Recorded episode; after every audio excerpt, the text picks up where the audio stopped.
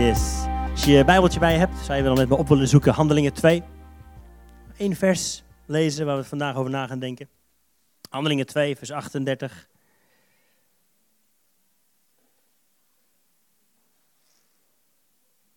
Staat hij ook op de beamer achter mij. Handelingen 2. En Petrus zei tegen hen: Bekeer u en laat ieder van u gedoopt worden in de naam van Jezus Christus, tot vergeving van zonde, en u zult de gave van de Heilige Geest ontvangen. Samen bidden. Heer Jezus, dank u wel dat we samen kunnen komen op een fantastische, heerlijke zomerse dag, maar ook gewoon samen mogen komen rondom wie u bent, rondom uw woord, rondom uw waarheid, uw liefde, om te vieren dat u goed bent, dat u leeft. En ik wil bidden dat we, gewoon als we hier zitten en nadenken over wat u zegt en wie u bent, dat iets van uw vrijheid ons hart gaat vullen. Heer, u bent gekomen om ons te verlossen, om ons vrij te maken. En dat willen we vieren en dat willen we leren. Heer, we willen achter u aangaan. Wil bidden dat u ons aanraakt, dat uw Heilige Geest uw woord in ons levend maakt. In Jezus' naam. Amen. Er was eens, lang geleden, in een land hier ver vandaan, een man. En die woonde daar in het land waar hongersnood was. Was hongersnood. Nou, wij kennen dat niet zo. Maar het bestaat nog steeds. Maar toen ook, lang geleden in dat land, was hongersnood. En die man, Jacob, woonde daar met zijn gezin. Best veel kinderen. Best veel schoonkinderen, kleinkinderen, noem maar op. Maar een van die kinderen, Jozef, woonde niet bij hem. Die woonde in een land een stukje verderop, in Egypte. Lang verhaal, je moet het maar eens lezen, de film kijken. Maar Jozef was in Egypte en hij had ervoor gezorgd dat daar geen hongersnood was. En via via kwam Jacob erachter en Jacob ging met zijn hele gezin wonen in Egypte. Dus niet langer in het land waar hongersnood was. Niet langer in het land waar zijn vader en zijn grootvader geleefd hadden, wat aan hun beloofd was. Hij kon daar niet meer blijven, er was hongersnood. Ze moesten wel vertrekken om in leven te blijven. Dus ze gingen wonen in Egypte. En ze kwamen daar als, als gast zelfs van Farao. Farao had het beste stukje land voor ze bewaard, waar ze met hun, hun schapen en hun geit en alles terecht konden. Vruchtbaar stukje land. En ze kwamen daar, zegt de Bijbel, met ongeveer 70 mensen aan. Gelukkig, geen hongersnood meer. Ze hoefden zich geen zorgen meer te maken over, is er wel genoeg te eten voor ons gezin? En Jozef zorgde goed voor ze. Jozef was bijna de baas van het land. Alleen Farao was nog hoger dan hem. En Jozef zorgde goed voor zijn gezin. Maar goed, na een paar jaar, zoals dat gaat, Jozef stierf, Jacob stierf, deze, dit gezin stierf. Maar de kinderen, die groeiden en groeiden op en dat gezin groeide. En in plaats van 70 mensen kwamen er natuurlijk steeds meer. En de Egyptenaren en de nieuwe farao, die keken ernaar en die begonnen zich toch een beetje zorgen te maken. Ja, we hebben ze uitgenodigd en geschast, maar straks nemen ze ons hele land over. Kennen we dat? Ook vandaag nog hè, zeggen we dat uh, dat soort dingen wel eens. Straks nemen ze ons hele land over. Dus de Egyptenaren begonnen zich een beetje zorgen te maken. Die, die gasten, straks worden ze hier nog de baas. Ze worden steeds talrijker, ze groeien in aantal. Straks nemen ze ons land over. En wat er gebeurde, dat gezin van Jacob, eigenlijk is dat het volk van Israël. Dat, gezin, dat volk van Israël, dat was niet langer te gast, maar die moesten nu gaan werken om daar te mogen blijven. En generatie op generatie werd dat steeds erger. En na ruim 400 jaar waren ze vergeten wat het is om gast te zijn, waren ze vergeten wat het is om mens te zijn. Ze waren minder dan mens geworden, ze waren slaaf geworden in Egypte. Die plek waar, waar eerst genoeg was, die plek waar ze eerst te gast waren, die plek waar ze, waar ze mochten zijn, waar ze uitgenodigd waren, daar waren ze nu slaaf geworden. Slaaf van Farao, slaaf van het volk van Egypte. Daar ben je dan. Eeuw na eeuw. Volgens de Bijbel meer dan 400 jaar had dit volk niet anders gekend dan slavernij. Ze werden behandeld als minder dan mensen. Ze waren waardeloos, letterlijk zonder waarde. Ze werden beschouwd als minder dan mensen. Ja, en als, als iemand jou de hele tijd behandelt als minder dan mens, hoe ga je dan over jezelf denken? Als, als waardeloos, toch? Als, als minder dan mens. En dan behandel je jezelf zo, maar ook anderen. Ze wisten niet meer wat het was om, om normaal als mens te leven. Dat, dat snapten ze niet meer. Maar ergens was er nog een klein, klein beetje hoop. Want, want die God van Jacob had toch ooit beloofd dat ze hun eigen land zouden bezitten. En na 400 jaar als slaaf gewoond te hebben in het land van Egypte, komt Mozes. God zegt tegen Mozes daar, ken je dat verhaal nog, bij de brandende braamstruik? God zegt tegen Mozes, ik, ik, ik heb mijn volk gehoord. Ik heb mijn volk gehoord en ik ga ze redden. En jij mag erop uit. Jij mag gaan. Ik ga ze redden, maar jij mag het gaan doen. En Mozes die stribbelde tegen. Die was natuurlijk ook al 40 jaar in de, in de woestijn weggevlucht. Hij, hij was bang. En had ook allerlei excuses. Hij zei, God, God, ik ben niet goed genoeg. God, u kunt beter iemand anders sturen. God, het gaat mij niet lukken. God, ik stotter. God, ik, ik kan het niet. Ik ben bang. Ik ben waardeloos. Het gaat mij niet lukken. En toch zegt God, samen gaan wij daar naartoe. En Mozes trekt terug naar Egypte, waar hij ooit was opgegroeid, in het hof van Farao. En hij gaat erop uit om zijn volk, zijn volk, het volk van Israël, slaven, te bevrijden.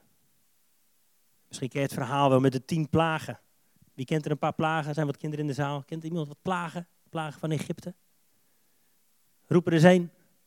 Kikkers, sprinkhanen, muggen, bloed. Oeh, water in bloed, ja. Tien plagen. En de laatste, wat was dat ook alweer? Eerstgeborene overlijden. en wat er dan gebeurt na, na een, heel gevecht in de geestelijke wereld, zo zou je het kunnen noemen. Want ja, Egypte was een land vol met afgoden. Weet je wat voor afgoden ze daar bijvoorbeeld hadden? Ze hadden afgoden die leken op kikkers. Ze hadden afgoden die leken op steekvliegen. Ze hadden afgoden met een hoofd als een stierenkop. En als je een beetje gaat nakijken, alle, alle plagen van Egypte hadden te maken met een afgod die verslagen werd. De god van de Nijl werd verslagen onder het water, veranderde in bloed. De god van de kikkers werd verslagen omdat het hele land in één keer was overspoeld met kikkers, enzovoort, enzovoort. God had een plan. En hij gebruikte Mozes daarvoor. En, en na, na die tien plagen, toen was het hele volk klaar om te vertrekken. Ze mochten eindelijk uit het land van slavernij, mochten ze naar het beloofde land. Maar ja, nadat ze alle spullen hadden ingepakt en, en waren weggegaan uit Egypte, stonden ze in één keer voor een zee. De Rode Zee. En achter hun, kwamen de slavendrijvers aan. De Egyptenaren die dachten, ja, maar eigenlijk wouden we toch niet. We wilden niet dat onze slaven vertrekken. En ze stonden, het volk van Israël stond tussen de zee en alles wat hun terug wilde pakken als slavendrijvers. Ken je dat in je leven? Dat je, dat je klaar bent om te bevrijden uit alles wat je onderdrukt heeft, maar het komt achter je aan. Het komt achter je aan. De slavendrijvers kwamen eraan. Maar wat gebeurde er toen? Mozes had zijn staf en wat deed hij ermee? Hij stak het uit over de Rode Zee. En de zee ging uiteen. Een mooi plaatje van, hè? Toch? Dia. Ken je die nog, die oude film? The Ten Commandments. Mooi? Zo moet het er ongeveer uitgezien hebben. Het volk wat door de Rode Zee trok. Door de Rode Zee. En aan de overkant waren ze vrij. Want de slavendrijvers, de Egyptenaren, kwamen wel achter ze aan. Die probeerden ook door die zee te, te, te trekken om ze terug te pakken. Maar toen kwam de zee terug over ze heen. En alles wat ze ooit had onderdrukt, was weggespoeld. Weggespoeld door de zee. Alles wat ze nog achtervolgden. Ze waren geen slaaf meer. Maar ja, wat dan wel? Want ze waren dan wel door die zee getrokken. En ze waren nu vrij. Ze hadden geen slavendrijvers meer. Maar wat waren ze dan nog eigenlijk wel? Want ja, 400 jaar slavernij. Generatie na generatie. Die behandeld werd als niks. En zichzelf ondertussen ook zag als niks. Die gedroegen zich natuurlijk ook als niks. Als minder dan mens bijna. Is het raar? Nee, natuurlijk is het niet raar. In één keer waren ze op weg naar een beloofd land, maar hoe werkt dat dan? Ze waren dan wel vertrokken uit Egypte, maar was Egypte al vertrokken uit hun? Alle gewoontes, alle manieren van kijken, nee hè, nog niet. En dan, dan komen de tien geboden. God die zijn volk, als het ware, ook was leuk om na te lezen, als het ware een huwelijksaanzoek stuurt. Zegt, zullen, zullen wij samen zijn? Zal ik jouw God zijn en zullen jullie mijn volk zijn? Hey, hey, en als we dan samen zijn, hè, wil je dan die oude pasfoto's van je oude vriendjes uit je portemonnee halen? Oftewel, wil je je afgoden wegdoen? Wil je je beelden wegdoen? Ze uit je portemonnee, denk er niet meer aan. En, en zullen we dan minimaal één dag in de week samen zijn? Sabbat. Wij denken dat het een wet is, hè, van je mag niks. Maar stel je voor, deze gasten hadden 400 jaar lang niks anders gedaan dan werken. En nu komt God en die zegt, hey, zullen we één dag in de week vrij zijn? Is dat een wet of is dat een cadeautje?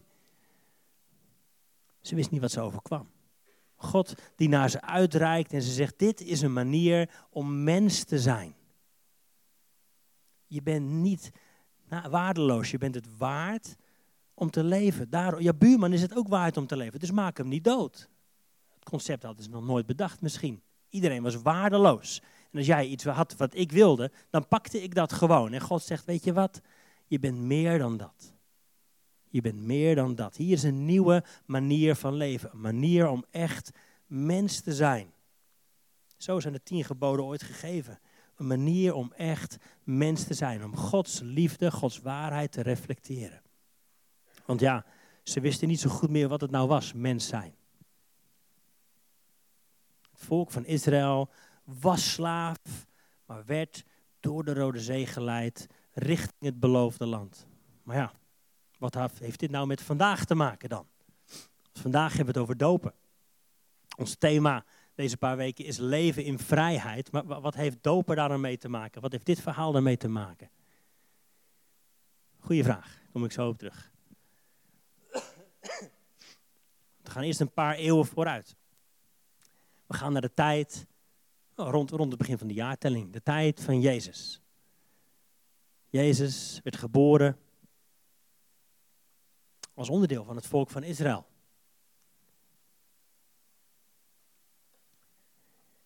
Neem even een slokje water. Hij was deel van het volk van Israël, maar Israël was weer niet vrij. Er was weer overheersing, onderdrukking. Rome was er. De Romeinse soldaten waren de baas in het land waar Jezus was. En Jezus wordt geboren wordt gedoopt, gaat rond, verkondigt het koninkrijk van God. Wordt hem niet in dank afgenomen. En, hoewel die zonde zonde was, hoewel die niks verkeerd had gedaan, werd hij gekruisigd. Maar we hebben het gezongen, de dood was niet sterker. En Jezus stond weer op uit de dood. Weet je wat die twee verhalen met elkaar te maken hebben? Net voordat Jezus stierf, misschien kunnen we het volgende plaatje laten zien. Ken je deze nog? Het laatste avondmaal. Bekend schilderij. Het laatste avondmaal. Hier heeft Jezus samen met zijn discipelen, met zijn volgelingen, heeft hij een maaltijd. De paasmaaltijd, Pesach. En weet je wat ze hier vieren? Ze denken terug aan de tijd dat God zijn volk bevrijdde uit Egypte. Elk jaar. God had gezegd, gedenk het, doe dit. Neem brood, neem wijn. Denk eraan. Aan die tijd dat je slaaf was en dat ik je bevrijd heb. Want dat is nog steeds mijn doel met jou. Dat is nog steeds mijn doel met je. Dat je niet onderdrukt wordt door slavernij, maar dat je werkelijk vrij bent. En wat ik altijd bijzonder vind om te bedenken, hè, is dat de tijd dat Jezus stierf is dus rond Pasen kennen we nu ook, hè? Goede Vrijdag en Pasen, dat vieren we om terug te denken aan de tijd dat Jezus stierf. Maar dat, dat hangt dus samen met de tijd van de bevrijding uit Egypte. Net voordat het volk uit Egypte trok en door de Rode Zee trok, vierden ze ook Pasen. Aten ze ongezuurde broden, hadden ze een lam geslacht. En rond die tijd stierf Jezus. En voor mij is dat een heel mooi beeld dat ook God vandaag nog jou en mijn vrijheid op het oog heeft. Geen onderdrukking, geen slavernij, geen angst, maar een echte manier van mens zijn. De Joden, het volk van Israël, hadden wel meer feesten.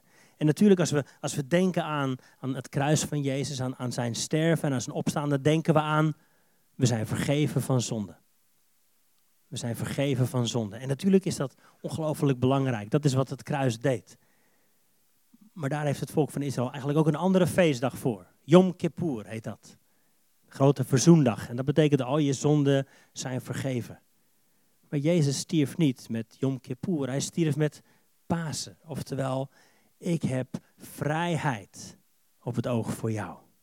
Vrijheid. Ik wil je uit dat oude land, uit Egypte als het ware, uit je geestelijke Egypte halen en je leiden naar een land van vrijheid. Ik wil je halen uit het land waar onderdrukking is, waar angst is, waar je wordt behandeld als minder dan mens, waar je alleen maar een onderdeeltje bent misschien van de consumptiemaatschappij, waar je nooit genoeg hebt, waar je nooit genoeg bent, waar je nooit genoeg kunt, waar je nooit genoeg meetelt. Ik wil je bevrijden uit die mentaliteit en je leiden in een land van vrijheid. Jezus kwam om ons te laten zien hoe God nou eigenlijk echt is. Zeg het wel vaak, als je wil weten hoe God eruit ziet, kijk naar Jezus, naar zijn karakter, zijn leven, zijn boodschap, zijn waarheid. Wat heeft dit nou eigenlijk met dopen te maken? We hebben gekeken naar het verhaal van, van Israël en de Rode Zee. We hebben gekeken naar Jezus, die stierf en opstond. Dopen. We hebben net gelezen, Handelingen 2. Petrus zei tegen hen, bekeer u en laat ieder van u gedoopt worden in de naam van Jezus Christus tot vergeving van zonde. En u zult de gave van de Heilige Geest ontvangen. Wat is, wat is hier gebeurd?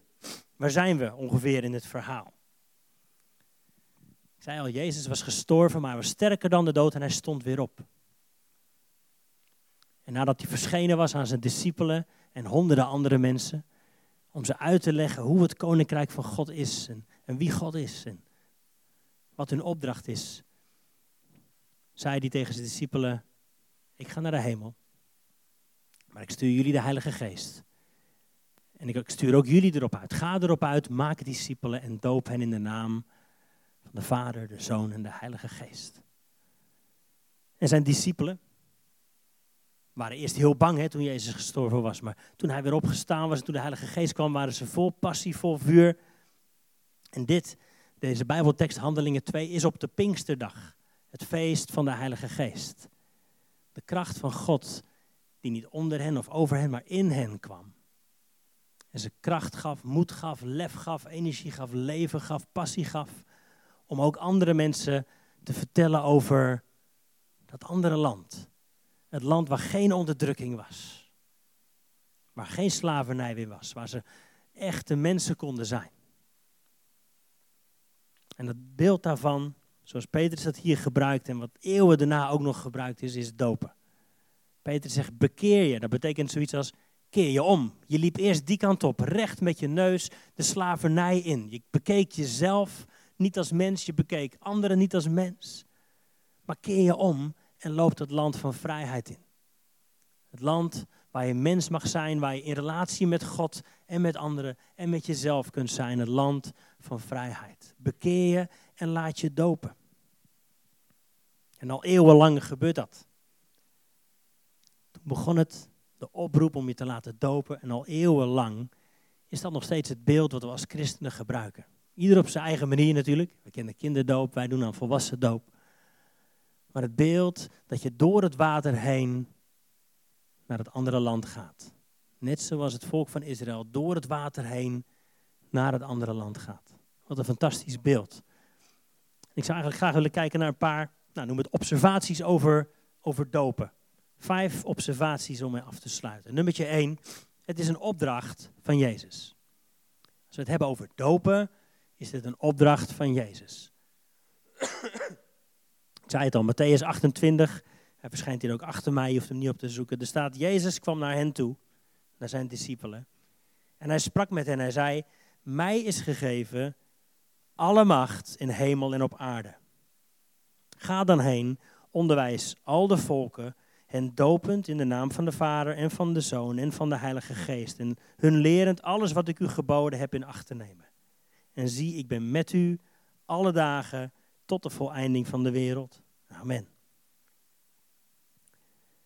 Mooi waar hij mee begint. Hè? Mij is gegeven alle macht.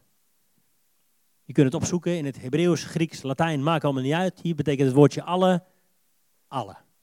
Jezus is gegeven alle macht in hemel en op aarde. En hij zei, doop hen. Ga naar alle volken en doop hen. Dus als we het hebben over dopen, al zouden we voor de rest niks snappen ervan, dan is dit genoeg. Het is een opdracht van Jezus. Alles wat hij zegt is goed en waar en recht. Gewoon doen. Dus het is een opdracht van Jezus. Dat is nummertje één. Nummertje twee. Als we het hebben over dopen, dan heeft het te maken met sterven en opstaan. Heeft het te maken met sterven en opstaan. Heeft het te maken met van dood naar leven. Net zoals Jezus stierf en weer opstond uit de dood. Staat in Romeinen 6, vers 2, staat dit vers. Hoe zullen wij, die met betrekking tot de zonde gestorven zijn, nog daarin leven? Je, gaat het, je moet het beeld maar in je hoofd houden. Van het ene land naar het andere land. Het land van duisternis en, en verdrukking en zonde naar het andere land. Hoe zullen we, als we aan dat land gestorven zijn, daar nog gaan leven? Of weet je niet dat alle die in Christus Jezus gedoopt zijn, in zijn dood gedoopt zijn? We zijn dan met hem begraven door de, dood in, door de doop in de dood, opdat evenals Christus uit de dood is opgewekt tot de heerlijkheid van de Vader, zo ook wij in een nieuw leven zullen wandelen. Dus nummer één, doop heeft alles te maken met de opdracht van Jezus. Maar nummer twee, het heeft alles te maken met van dood naar leven. Met sterven aan jezelf, sterven aan je oude leven, sterven aan je oude manieren, sterven aan slavernij en aan zonde. En opstaan in een nieuw leven. Dat is wat de doop is. Van slavernij naar vrijheid. Het is als het emigreren van het ene naar het andere land. Nummer drie dan. Het is van buiten laten zien wat er van binnen gebeurd is.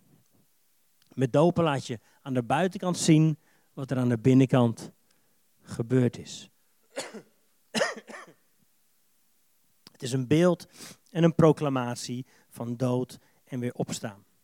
Colossense 2 staat dit. U bent immers met hem begraven in de doop, waarin u ook met hem bent opgewekt. Door het geloof van de werking van God, die hem uit de dood heeft opgewekt. Je laat met de doop heel duidelijk aan jezelf zien en aan anderen, maar ook in de geestelijke wereld. Ik ben verhuisd. Ik ben niet langer een slaaf van zonde. Ik ben een kind van God. Ik woon niet langer in het land van onderdrukking.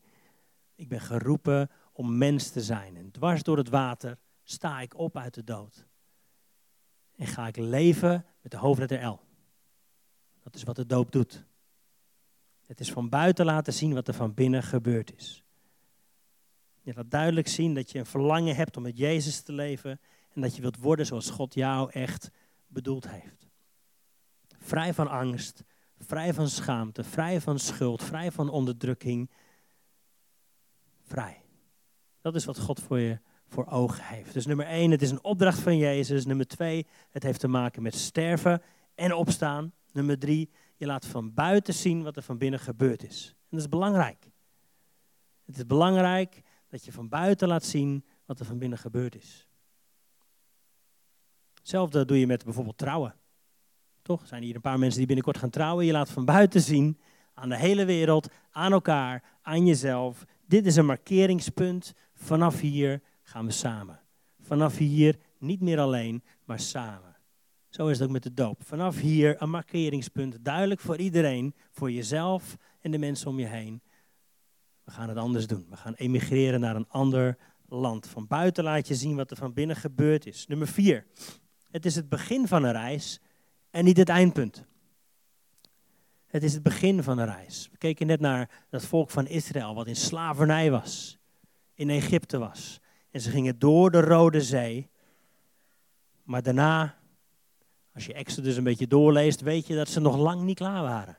Ze waren sowieso nog lang niet in het beloofde land, maar ook van binnen was het allemaal nog lang niet klaar. Het was misschien nog niet goed genoeg, zoals wij dat zouden zeggen. Ze maakten nog niet altijd de juiste keuzes, ze hadden niet altijd de juiste hartsgesteldheid. Maar het was wel de eerste duidelijke grote stap. Vanaf hier willen we het anders. Vanaf hier gaan we niet meer terug. En natuurlijk, we zijn allemaal mensen, we kennen, we weten hoe het werkt. Ook die Israëlieten zaten soms in de woestijn onderweg naar het beloofde land. En dan dachten ze terug aan de vetpotten van Egypte. Oh, eigenlijk was het nog helemaal niet zo slecht, dat oude leven. Ja, we waren dan op zich misschien wel slaaf of zo, maar we hadden tenminste te eten. Misschien herken je dat wel in je eigen leven. Je bent, je bent onderweg met Jezus, maar af en toe denk je terug aan, nou, kan ook anders. Er zijn meer ideeën, meer wegen. Het is het begin van je reis.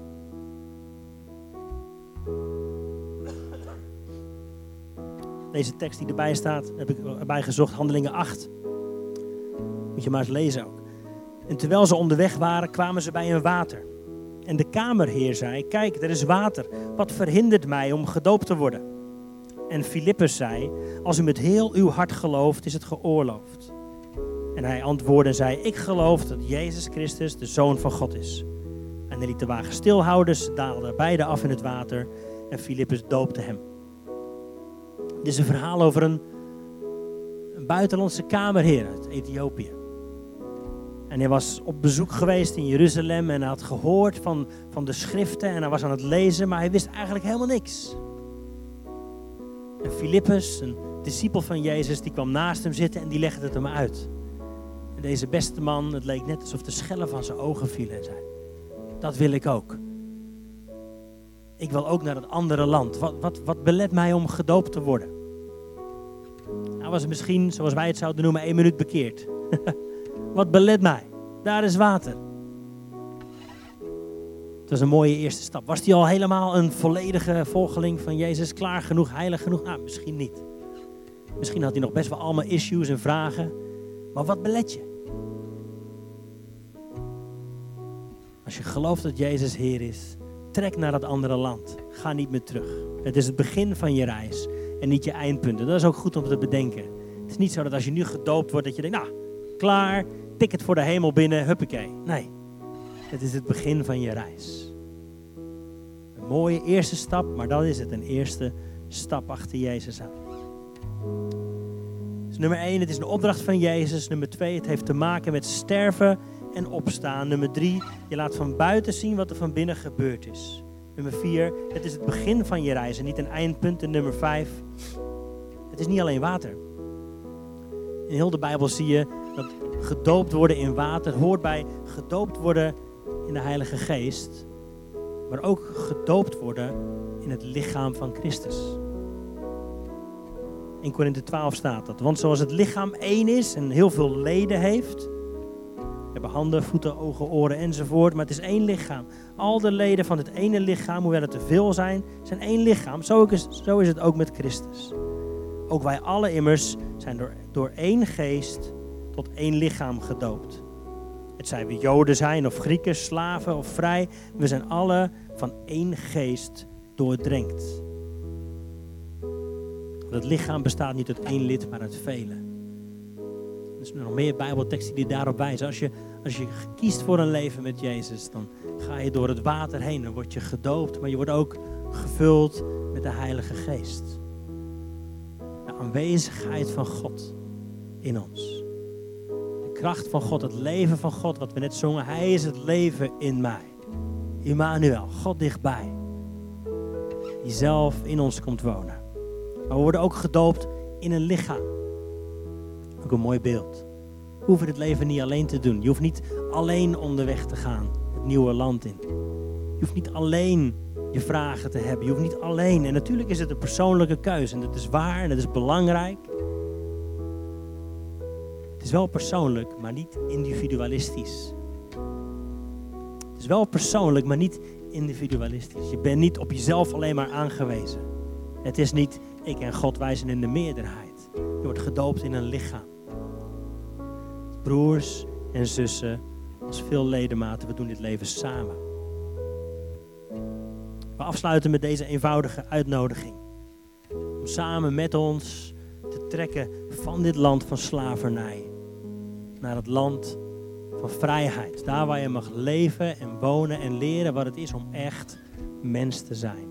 Om niet meer onderdrukt te worden door angst, twijfels, trots, schaamte. Alle angsten die je kunt hebben. Je mag daar vrij van zijn in Jezus. Zullen we gaan staan?